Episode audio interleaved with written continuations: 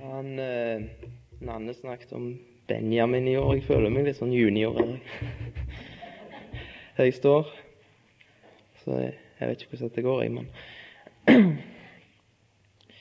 Men jeg vil iallfall takke for at jeg fikk være med på dette. Jeg har ikke, det står ikke noe emne på denne, dette programmet for det jeg skal tale om. og Jeg kommer ikke til å ha noe sånn gjennomgående emne. Jeg skal bare tenke å si noe om noen ting som jeg har, har tenkt på den senere tida. Vi skal um, ta og lese noen vers fra Åpenbaringen, kapittel 2. Det går jeg syns det går i tråd med det som Albert snakket om i ettermiddag, dette her. så.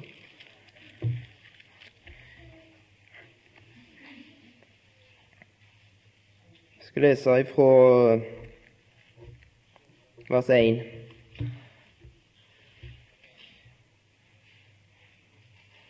Skriv til engelen for menigheten i Efesus. Dette sier han som holder de sju stjerner i sin høyre hånd han som går midt mellom de sju lysestaker av gull. Jeg vet om dine gjerninger og ditt arbeid og din utholdenhet, og at du ikke kan tåle de onde. Du har prøvd dem som kaller seg selv apostler og ikke er det, og du har funnet at de er løgnere. Du har tålmodighet, du har hatt mye å bære for mitt navns skyld, og du er ikke godt trett. Men jeg har imot deg at du har forlatt din første kjærlighet. Kom derfor i hu hva du er falt fra. Omvend deg og gjør de første gjerninger. Men hvis ikke, så kommer jeg brått over deg, og jeg vil flytte din lysestake bort fra sitt sted, hvis du ikke omvender deg. Men du har dette, du hater nikolaittenes gjerninger, som jeg òg hater. Den som har øre, han hører hva Ånden sier til menighetene. Den som seirer, han vil jeg gi å ete av livets tre, som er i Guds paradis. Herre Jesus, jeg har lyst til å be deg om å, å være med i møtet i kveld og gi meg de rette ordene. De må tale rett om deg. At det kan bli noe for, for hjertene våre. Herre, så vil jeg òg nevne for deg disse oppe på Valderøy som samles til møte igjen i kveld. Herre, at du må du må styrke de som er, de er nyfrelst, og de som har fått et nytt møte med deg, Herre. At du må føre de videre, og da må du gi visdom til de som du bruker der oppe, som dine tjenere. Og måtte det, det lukkes at det kunne bli flere frelste. Herre legge de i dine hender, og legge møtet her i dine hender. Be om at vi kunne få oppleve sånne ting. Amen.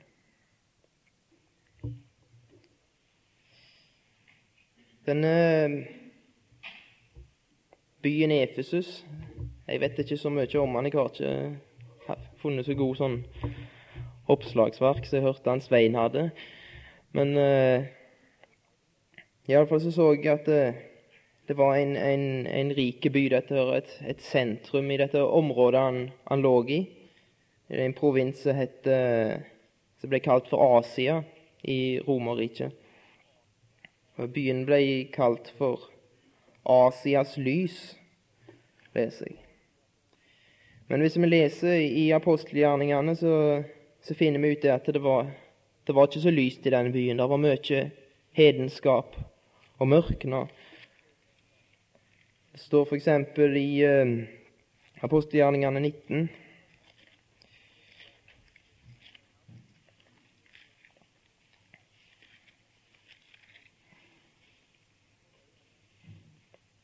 uh, Apostelgjerningene 19, 19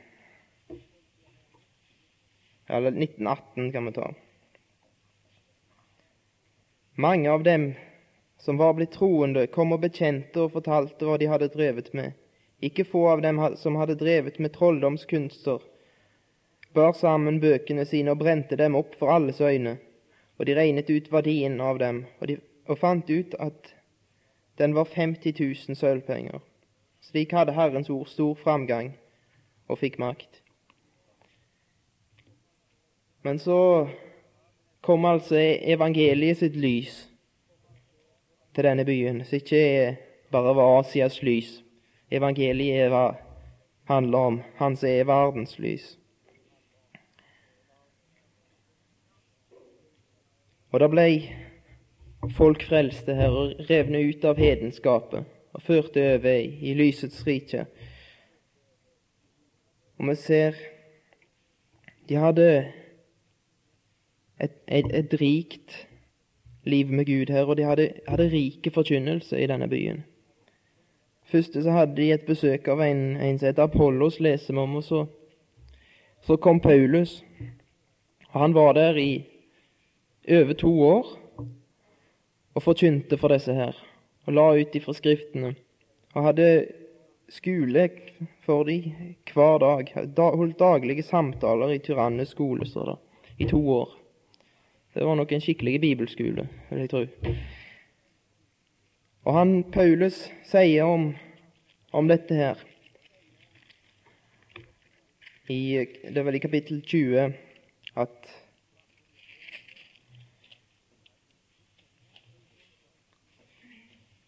Han sier til de eldste i Efesus i kapittel 20 og vers 25 eh,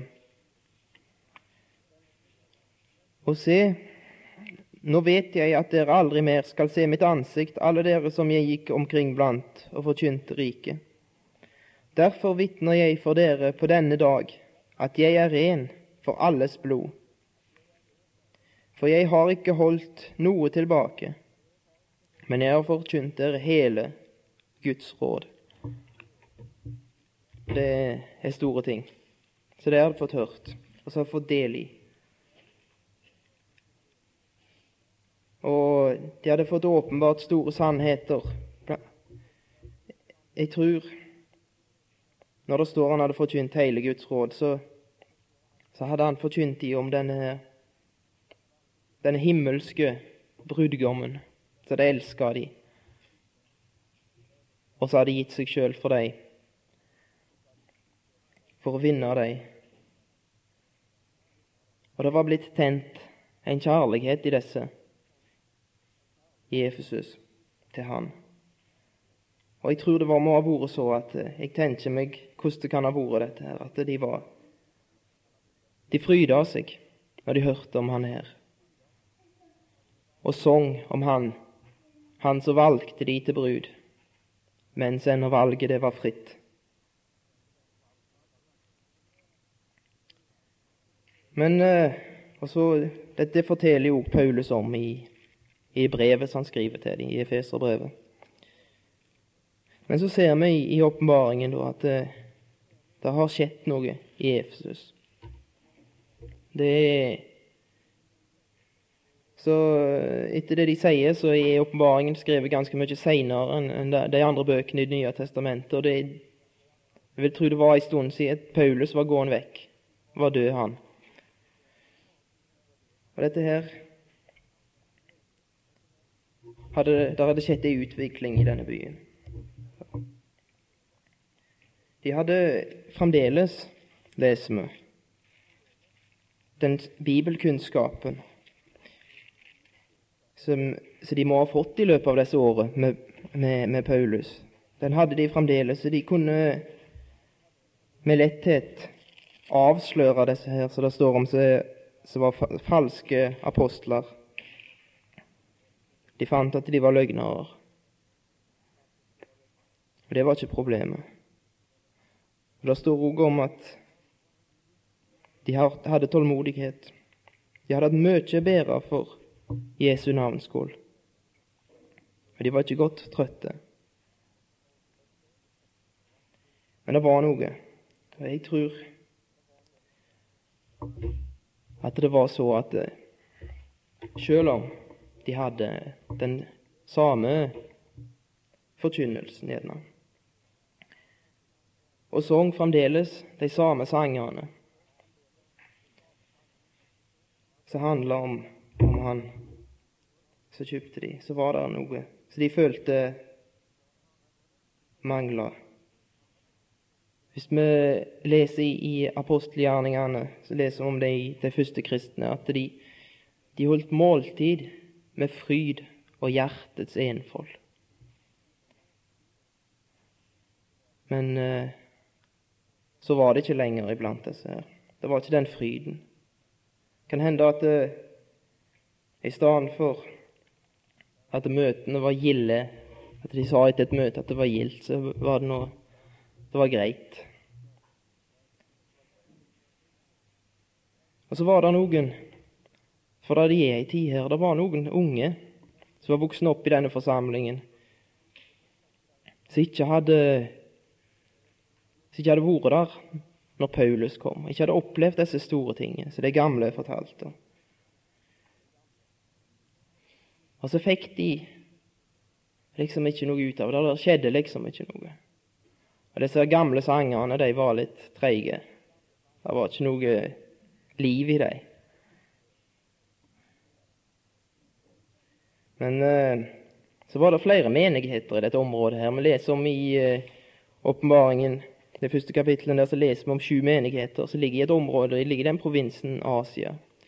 Alle disse menighetene var, ser det ut som, et resultat av det som skjedde i Efesus. For at I løpet av de to årene som Paulus var i Efesus, så kom evangeliet ut til hele Asia, står det. Og det var en, eh, en naboby til Efesus som heter Laudikea. Der var det ei stor forsamling. Det var liv og røre. Og Der hadde de flotte musikk. Og der var det sanger. Så det fungerte. Det ble en sånn god stemning av dette her. Men det var noe med disse sangene at de handler ikke om Det var ikke denne undringen som står om i en i en sang som jeg ble glad i det siste. Jeg, vil bare sitere det. Liksom. Hvor kunne du elske en sådan brud, som vandret så fredløs i verden? Hva så du av stort i den fattiges grud? Jeg bar på min syndige ferden. Hva var det hos meg som du elsket så, at du ville korsstien vandre? Hva var det, o Herre, du kunne oppnå ved slik ofre livet for andre? Men denne undringen, den, den var ikke lenger. Nå var det noe annet. Det var Vi bringer kongen tilbake, og vi opphøyer deg. Det var vi, vi. Vi elsker deg. Men så var det Så står det om Laudikea at Jesus sto ut forbi.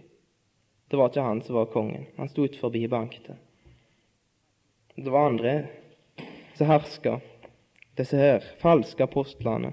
Og så mange av disse her som gjerne forlot Efesus, kunne si at det, det, det de, de, sa, det var ikke så bra, det var ikke så rett. Men, men det var noe som fungerte. Det var noe som stilte litt av den hungeren som var i, i Efesus. For Efesus, det var ikke noe alternativ lenger. Det var ikke det som skulle være sentrumet, det som gav livet. Dommen er ganske harde, men jeg har imot deg at du har forlatt din første kjærlighet. Kom derfor i hu hva du har falt fra, omvend deg og gjør de første gjerninger. Men hvis ikke, så kommer jeg brått over deg og jeg vil flytte din lysestake bort fra sitt sted, hvis du ikke omvender deg. Og Dette her med, med den lysestaken det er ofte blitt anvendt sånn at uh, på en måte Guds ords forkynnelse og, og lyset blir flytta fra et land, at det ikke skjer noe i et land. Men hvis vi leser i kapittel 1 Jeg kan lese uh, noen vers der Fra vers 12 i kapittel 1.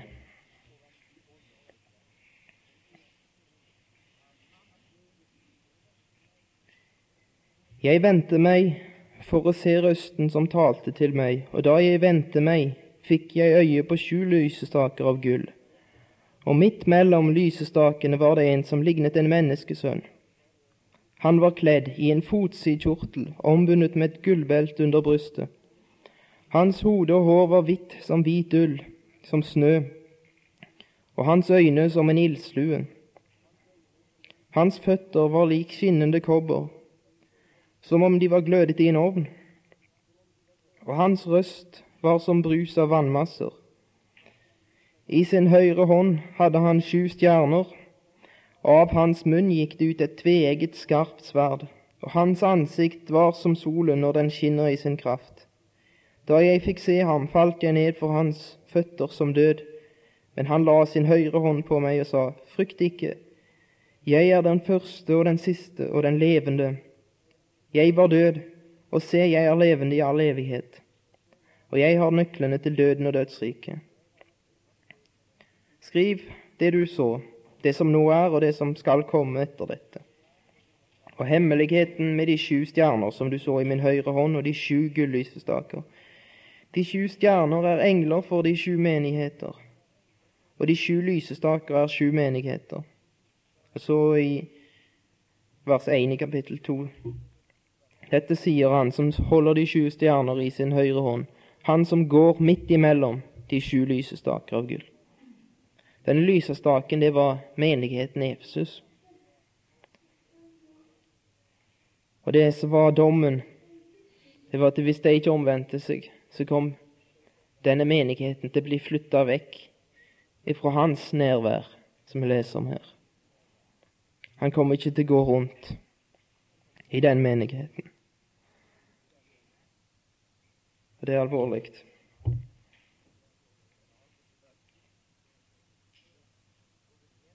Men så vi, kan vi lure på hva, hva var denne her første kjærligheten, da, som disse hadde mist. Jeg kan ta, ta og lese noen vers i, i 2. Peter, kapittel 1.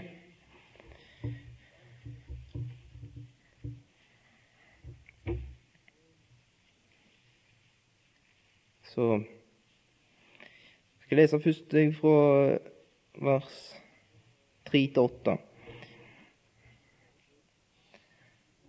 Ettersom Hans guddommelige makt har gitt oss alt som tjener til liv og Guds frukt, ved kunnskapen om Han som har kalt oss ved sin egen herlighet og kraft.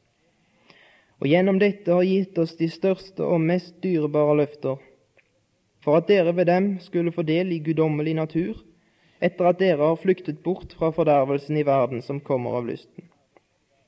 Så legg nettopp derfor all vind på at dere i troen viser dyd, og i dyden skjønnsomhet, er kunnskap egentlig, og i kunnskapen avhold, og i avholdet tålmodighet, og i tålmodigheten gudsfrykt, og i gudsfrykten broderkjærlighet, og i broderkjærligheten Kjærlighet står det egentlig jeg slo opp i. Det står ikke 'kjærlighet til alle', sånn som det er oversett her.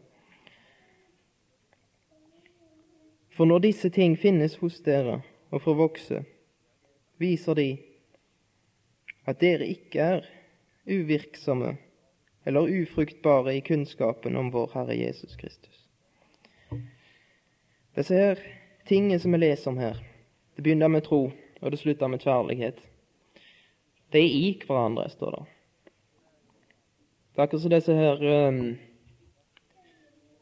russiske Disse dokkene som de har borte i Russland. Så du åpner opp, og så er det en ny inni. Og innerst inne her Kjernen i dette, det var kjærlighet. Og så sto det at når disse ting finnes hos dere og får vokse når denne her kjærligheten fikk vokse, så vokste alle de andre òg. Og det kunne sies, det kan sies om oss, hvis dette skjer, at vårt liv er mer og mer i tru. Det sto han eh, Svein les i dag om ransak dere, se om dere er i troen. Og på en måte vi kan ransake oss sjøl og se i vårt praktiske liv. Se om, om det kan sies om oss ved tro, så det står i Hebreabrevet om disse her trosheltene. Ved tro gjorde de disse gjerningene som de gjorde. Men hvordan får vi da denne kjærligheten? Vi skal lese i, uh, fra Romerbrevet 5.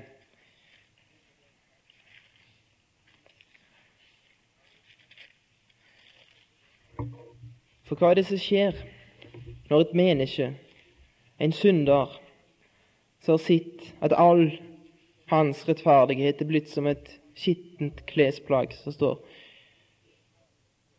Møter den Herre Jesus på Golgata, sånn som vi fikk så fint forkynt for oss i ettermiddagstimen. Om Han som steg ned. Og møter, så det står i en sang, brudgommen fra Golgata. Da skjer det som står i Romerbrevet 5, ifra vers 5.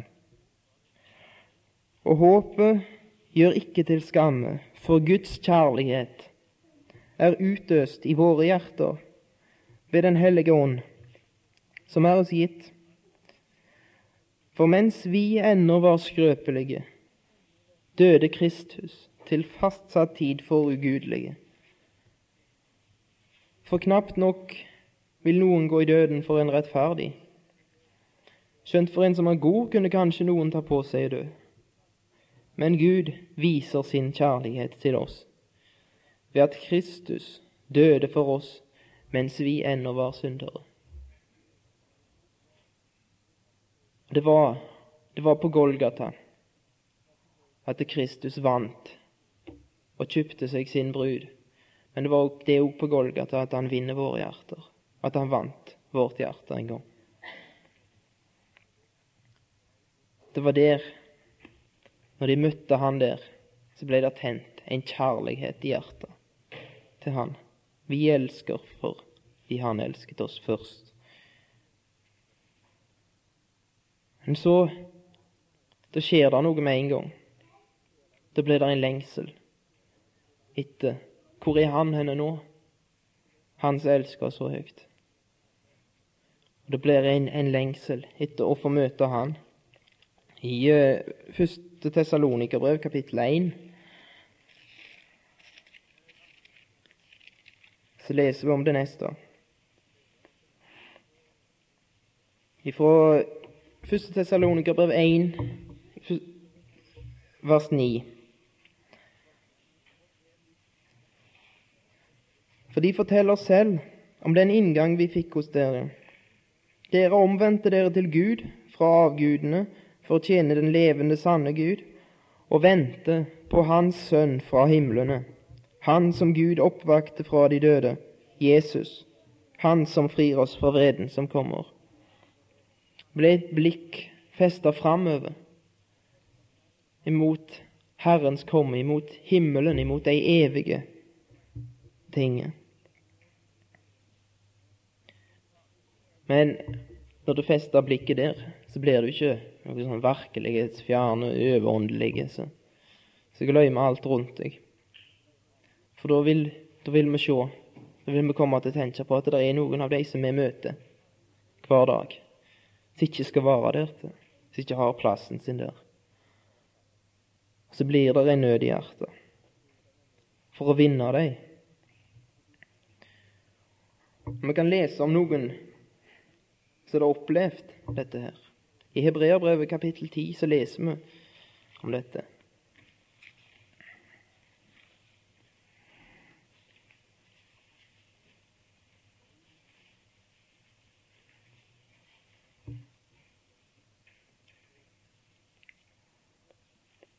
I Hebreabrevet 10, vers 32. Men tenk nå tilbake på den første tid, den gang dere var blitt opplyst og så utholdt stor kamp og lidelse. Dels ble dere selv gjort til et skuespill ved spott og trengsler, dels sto dere sammen med dem som fikk gjennomgå dette. For også fangene hadde dere medlidenhet med, og dere fant dere med glede i at deres eiendeler ble røvet fra dere. For dere visste at dere hadde en bedre eiendom, som varer ved. Kast derfor ikke bort deres frimodighet, som har stor lønn. De var sånn som Albert sa, de var blitt forelska i Jesus. Og da, da betydde det ingenting om hva, hva verden sa, hva verden gjorde. For det var bare i korte tider så skulle han komme ei lita stund. Så skal han komme. Det står der lenger nede her. For ennå er det bare en ganske liten stund igjen. Så kommer han som komme skal. Og han venter de på. Og da brydde de seg ikke om at de tok ifra de godset og alt dette her. Men eh, det var ikke så med disse her heller lenger. Og det var ikke så med efeserne. Hvis vi går tilbake til andre Peter, så leser det niende verset i kapittel 1.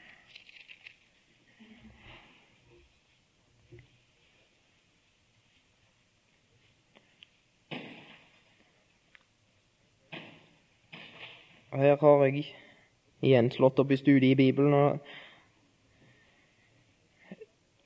Som meg så står der, men den som ikke har disse ting, han er nærsynt og blind og har glemt renselsen fra sine gamle synder. Men det som egentlig står der, det er den som ikke har disse ting, han er blind fordi han er nærsynt, fordi han har glemt renselsen fra sine gamle synder. For når når blikket ble tatt vekk ifra han som ga av seg sjøl på Golgata, så ble jo blikket tatt vekk ifra hans komme og ifra himmelen og den evige verden. De ble nedsynte. De så bare det som var denne verdens ting. Og så ble de jo blinde. De så ikke alle de fortapte som gikk rundt. De så ikke all nøden.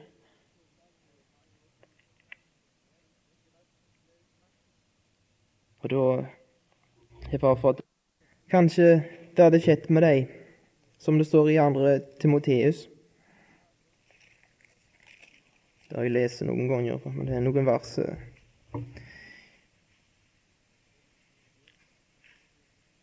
Jeg, jeg syns de er alvorlige og gode med det samme, på samme tid. Det, det er Paulus. Dette er vel eh, ganske kort tid etter at han har skrevet um, Efeserbrevet. Det, det er vel det siste brevet som han skriver før han drar herifra. Vi ser hans fullendelse av dette løpet, som Svein snakket så fint til oss om i dag. Dette løpet som disse her i Efesus og de som leser om i Hebreerbrevet, var begynte på. Men de var, de var stoppet opp. Og jeg syns det, det, var godt å tenke på. Det var Svein nevnte en som ble diskvalifisert ifra løpet, for han hadde gjort noe som han ikke hadde lov til etter reglene. Og fikk ikke lov å springe lenger. Og så er det i en forstand med oss òg. Vi kan gjøre ting som kan få alvorlige konsekvenser for livet vårt. Men vi har noe som denne idrettsmannen ikke hadde. Vi har en mulighet til å gå inn for Gud og bli rensa og gjort reine, og kunne si at ren som en lilje i vår, står jeg. Og det er en person i Det gamle testamentet som, gjorde noe som fikk en sånn konsekvens for han. Det er Moses. Han slo på klippen for andre gang, og da fikk han ikke lov å komme inn i landet. Men det er én ting som vi ser om han. Det er at det betyr ikke at han stopper og begynner som sauegjeter igjen. Det at han har gjort noe sånt. Det har konsekvenser. Men han fortsetter, han. å føre dette folket mot Kanaan. Og han fikk òg lov å føre to Det var bare to personer av den generasjonen som fikk lov å komme inn. Men de hadde han klart å føre inn i et sånt forhold til Gud at de fikk komme inn. Om Josva og Kaleb. Og Moses sjøl, han fikk lov å komme opp på et høyt fjell og se inn i landet. Han fikk, og Gud begravde han, står det om. Det er godt å tenke på at selv om vi gjerne svikter alvorlig, så er det der. Gud gir oss ikke opp. Hvis vi vender oss til Han igjen. Men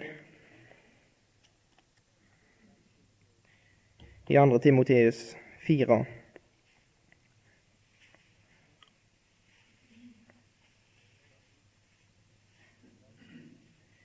og vers 5. Men vær du edru i alle ting, lid ondt, gjør en evangelists gjerning, fullfør din tjeneste. Dette er ord til oss som ikke har fullendt løpet ennå. Men for jeg blir alt ofret, og tiden for min bortgang forestår. Jeg har stridd den gode strid, fullendt løpet, bevart troen. Så ligger nå rettferdighetens krans rede for meg, den som Herren, den rettferdige dommer, skal gi meg på den dag. Ja, ikke bare meg, men alle som har elsket Hans komme. Hva var den betingelsen? Og så står det om to vers etterpå, og jeg tror det er en sammenheng her. Skynd deg, komme til meg snart. For Demas forlot meg, fordi han fikk kjærlighet til den nåværende verden, og reiste til Tessalonika. Han hadde fått blikket sitt over på alt det fine og det flotte som var i denne verden.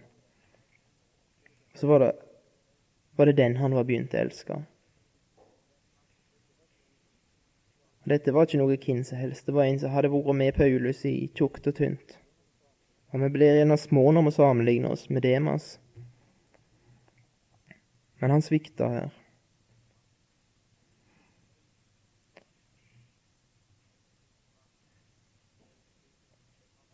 Det, det er så at hvis vi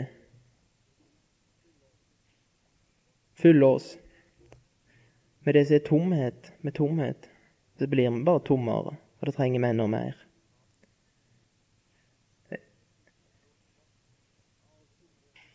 Dette tomrommet som det blir når dette hjerteforholdet, kjærlighetsforholdet til Kristus forsvinner, det må vi erstatte med noe. Og da må vi ha noe av alt dette her som er i denne verden, for å døyve. Og det er så mye fint i denne verden at det, Spesielt i dag at vi har ofte ikke noen problemer med det. Vi synger en, en sang at mange tilber kun det som forsvinner, og har nok med denne verdens ting. Bare tomhet er den lyst de finner. Skjult for dem er livets kildespring. Men jeg, jeg lurer på med meg sjøl av og til. Hvor er det tomhet for meg? Ser jeg at dette er bare tomhet? Den lyst som de finner i denne verdens ting? Er det, er det denne kjærligheten til Kristus som griper hjertet mitt? Er det det jeg går og tenker på? Og Jeg må si det, jeg føler ikke alltid at dette griper hjertet mitt så, så voldsomt. Og Jeg vet ikke hvordan dere har det, men det er noe der. Men uh, det er en vei tilbake. Og Paulus han må ha forutsett at dette her skulle skje med, med efeserne. Hvis vi leser i, i, eh, når han skrev Efeserbrevet, rett før han, han skulle dø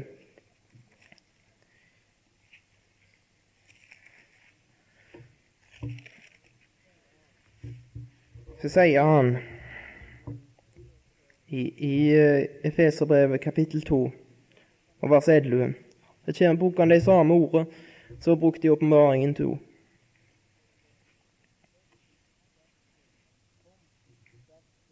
Kom derfor i hu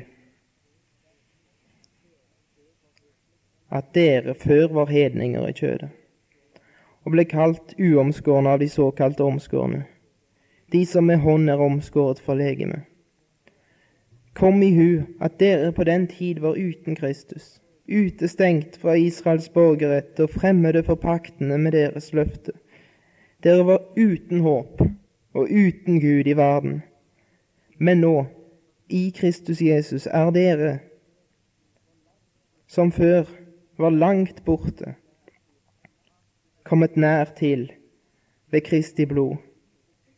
For Han er vår fred, Han som gjorde de to til ett og brøt ned det gjerdet som skilte dem, fiendskapet, da Han ved sitt legeme avskaffet loven med dens bud og forskrifter.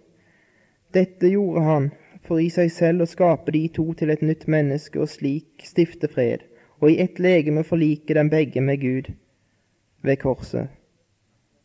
For der drepte han fiendskapet.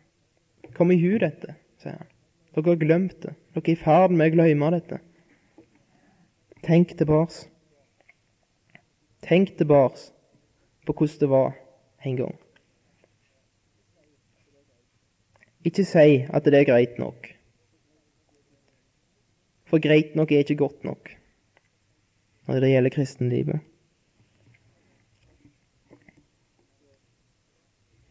Det står en formaning til Timoteus. Grip det evige liv. Få tak i dette livet med stor L. Dette som overvinner alt i denne verden. Dette som lever i alle omstendigheter. Og ikke oppta det med omstendighetene, men med Kristus.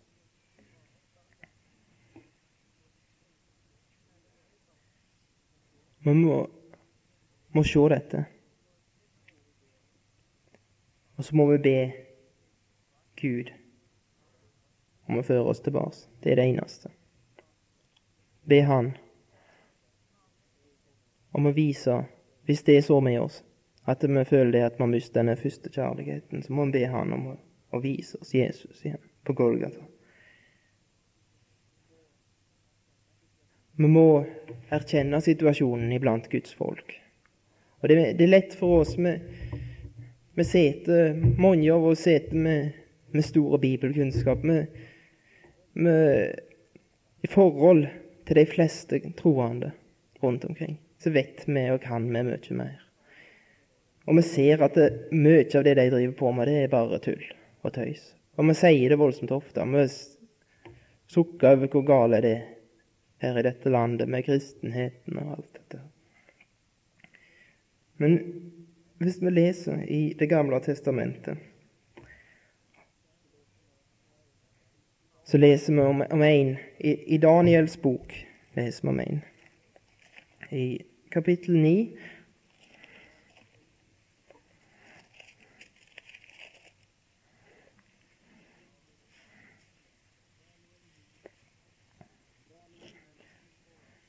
Daniel 9, 5.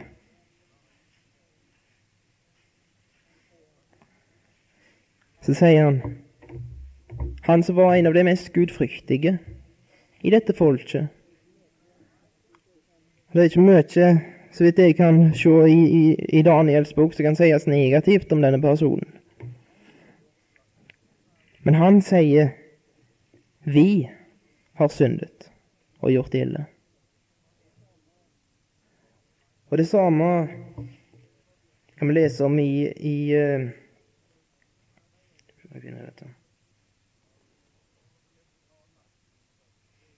Esra 9,6.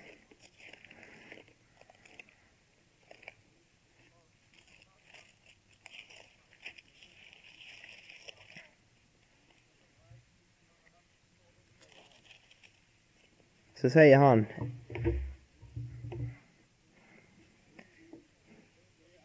Min Gud, jeg er så skamfull og ydmyket at jeg ikke kan løfte mitt ansikt opp mot deg, min Gud.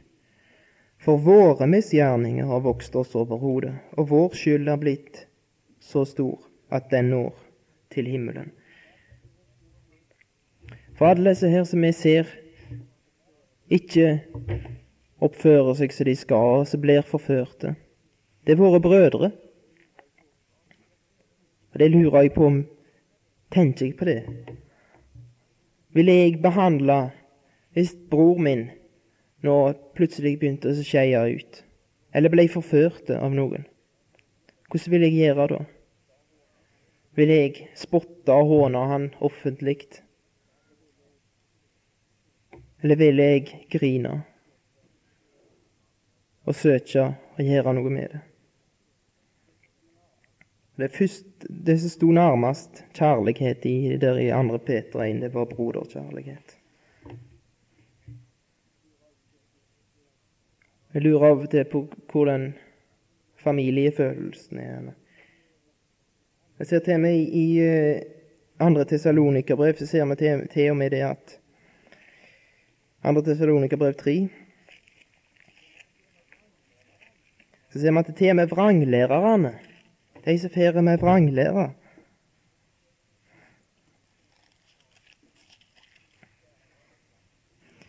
De skal behandles. I 2. Tessaloniker brev 3, 14.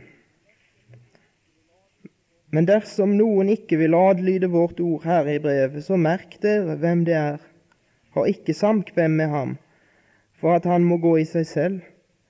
Hold ham ikke for en fiende, men tal ham til rette som en bror. Her er det en person som det må tas et oppgjør med.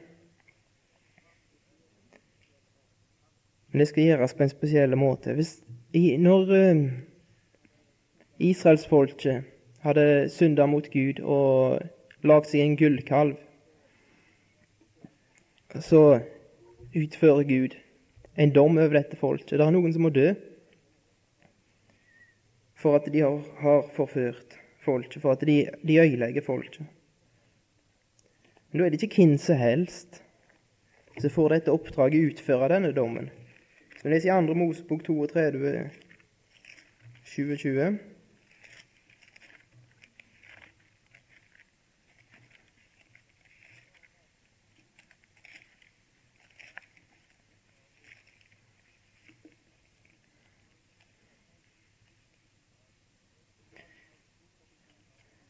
Andre Mosebok 32, 2020. Og han sa til dem, så sier Herren Israels Gud, la hver av dere binde sverdet ved siden, gå så fram og tilbake fra port til port i leiren og slå i hjel hver sin bror og hver sin venn og hver sin frende. Da gjorde de det med smerte og sorg i hjertet. De gjorde det ikke med hardhet. så skal vi òg behandle våre brødre. Men så er det én ting til, det er at vi burde gjerne ha noe med oss sjøl. For det, hvem er det som har det største ansvaret? Er ikke de som har mest kunnskap, hvis vi ser på oss sjøl som har mer kunnskap? Skulle ikke vi søke å hjelpe noen? Skulle ikke vi se det at vi hadde ikke den kraften som vi skulle ha? og og skulle vi ikke falle på vårt kne for Gud og, og be Han om å gripe inn når vi ser situasjonen? Jeg lurer på hvorfor vi ikke gjør det. Men det er én ting til enn å, å, gå til Gud med det. Det er òg at vi må hjelpe hverandre. Vi må til stadighet minne hverandre på hjelpe hverandre til å feste blikket på Han. Så det står om i Hebreerbrevet 12, med blikket festet på Jesus. Han som lei døden for oss på Golgata kors. At vi ser Han, at vi deler med hverandre dette. Vi kan lese i Hebreabrevet 10 igjen. Ja.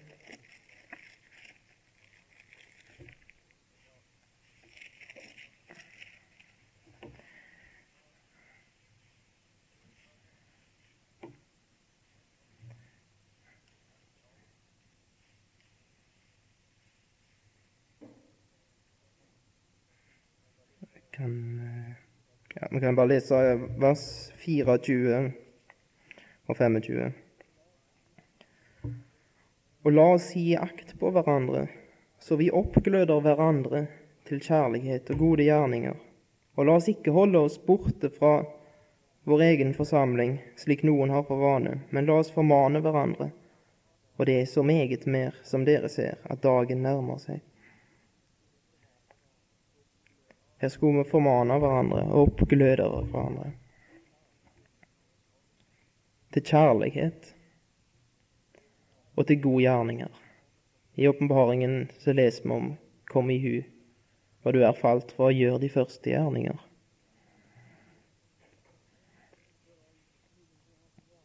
Men så står det om noen som har for vane å holde seg vekke fra sin egen forsamling, fra de kristne, de troende sin forsamling.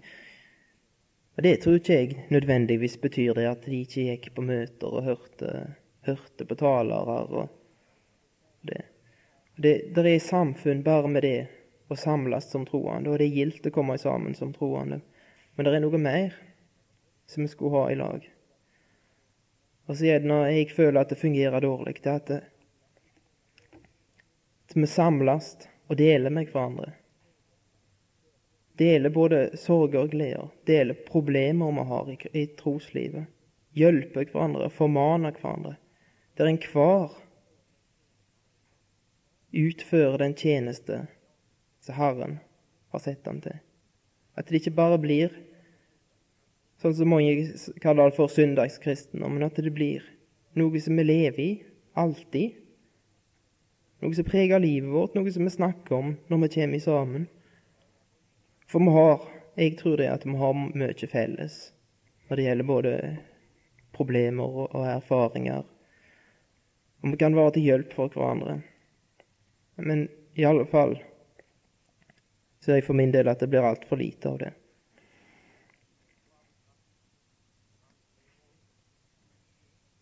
Det, er det.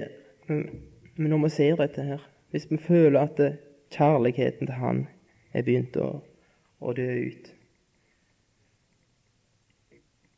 så måtte vi hjelpe hverandre og be for hverandre.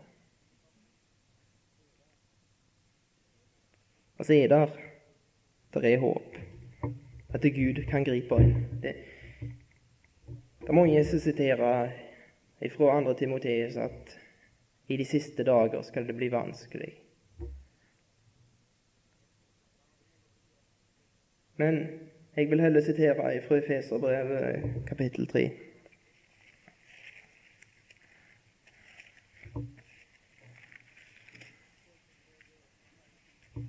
Efeserbrevet 3,20. Her vi kan lese Vi kan ta oss og lese fra vers 16. Jeg ber om at Han etter sin herlighetsrikdom ved sin ånd må gi dere styrkes med kraft i det indre mennesket, at Kristus må bo ved troen i deres hjerter, for at dere rotfestet og grunnfestet i kjærlighet, sammen med alle de hellige, kan være i stand til å fatte hva bredde og lengde, høyde og dybde her er, og at dere må kjenne Kristi kjærlighet som overgår all kunnskap, så dere kan bli fylt til hele Guds fylde.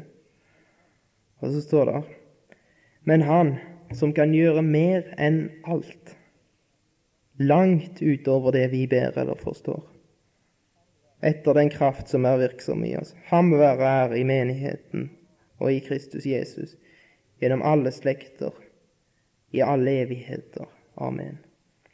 Det står en fortelling i apostelgjerningene om Paulus og Silas i fengselet. Vi kan lese de to versene derifra. Apostelgjerningene 16.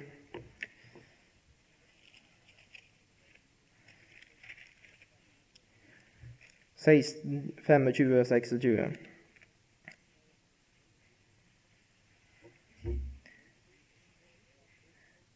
Men ved midnattstid holdt Paulus og Silas bønn og sang lovsanger til Gud, og fangene hørte på dem.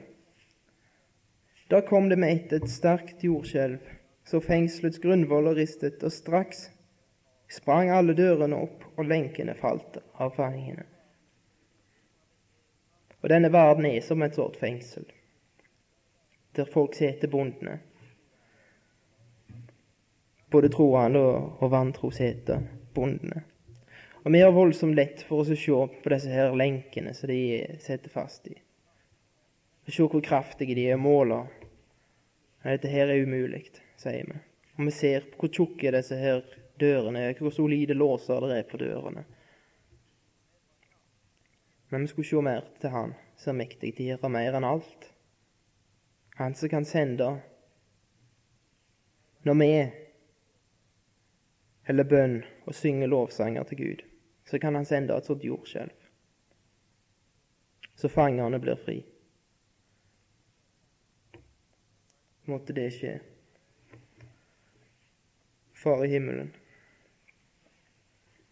jeg har lyst til å be deg om at du, du må gjøre noe iallfall med mitt hjerte. At den kjærligheten til din sønn, og til han som kommer snart igjen, at den må bli bli tent opp igjen. At det må få prege livet mitt. Herre, jeg be for oss alle. Jeg be om at du må gripe inn, om at du må vekke oss opp. Herre, vi har hørt så mye om vekkelse, og nå hører vi òg at det skjer noe oppe ved Valdres, og priser dem for det. Men Herre, at vi kunne få oppleve det. Det som vi har hørt så mye om. At du rører ved ditt folk og rører ved deg vantro. At det blir dyrebare sjeler høsta inn. Jeg vil overlate dette til deg. For ditt navns skyld. Det må bli et folk til ære for deg.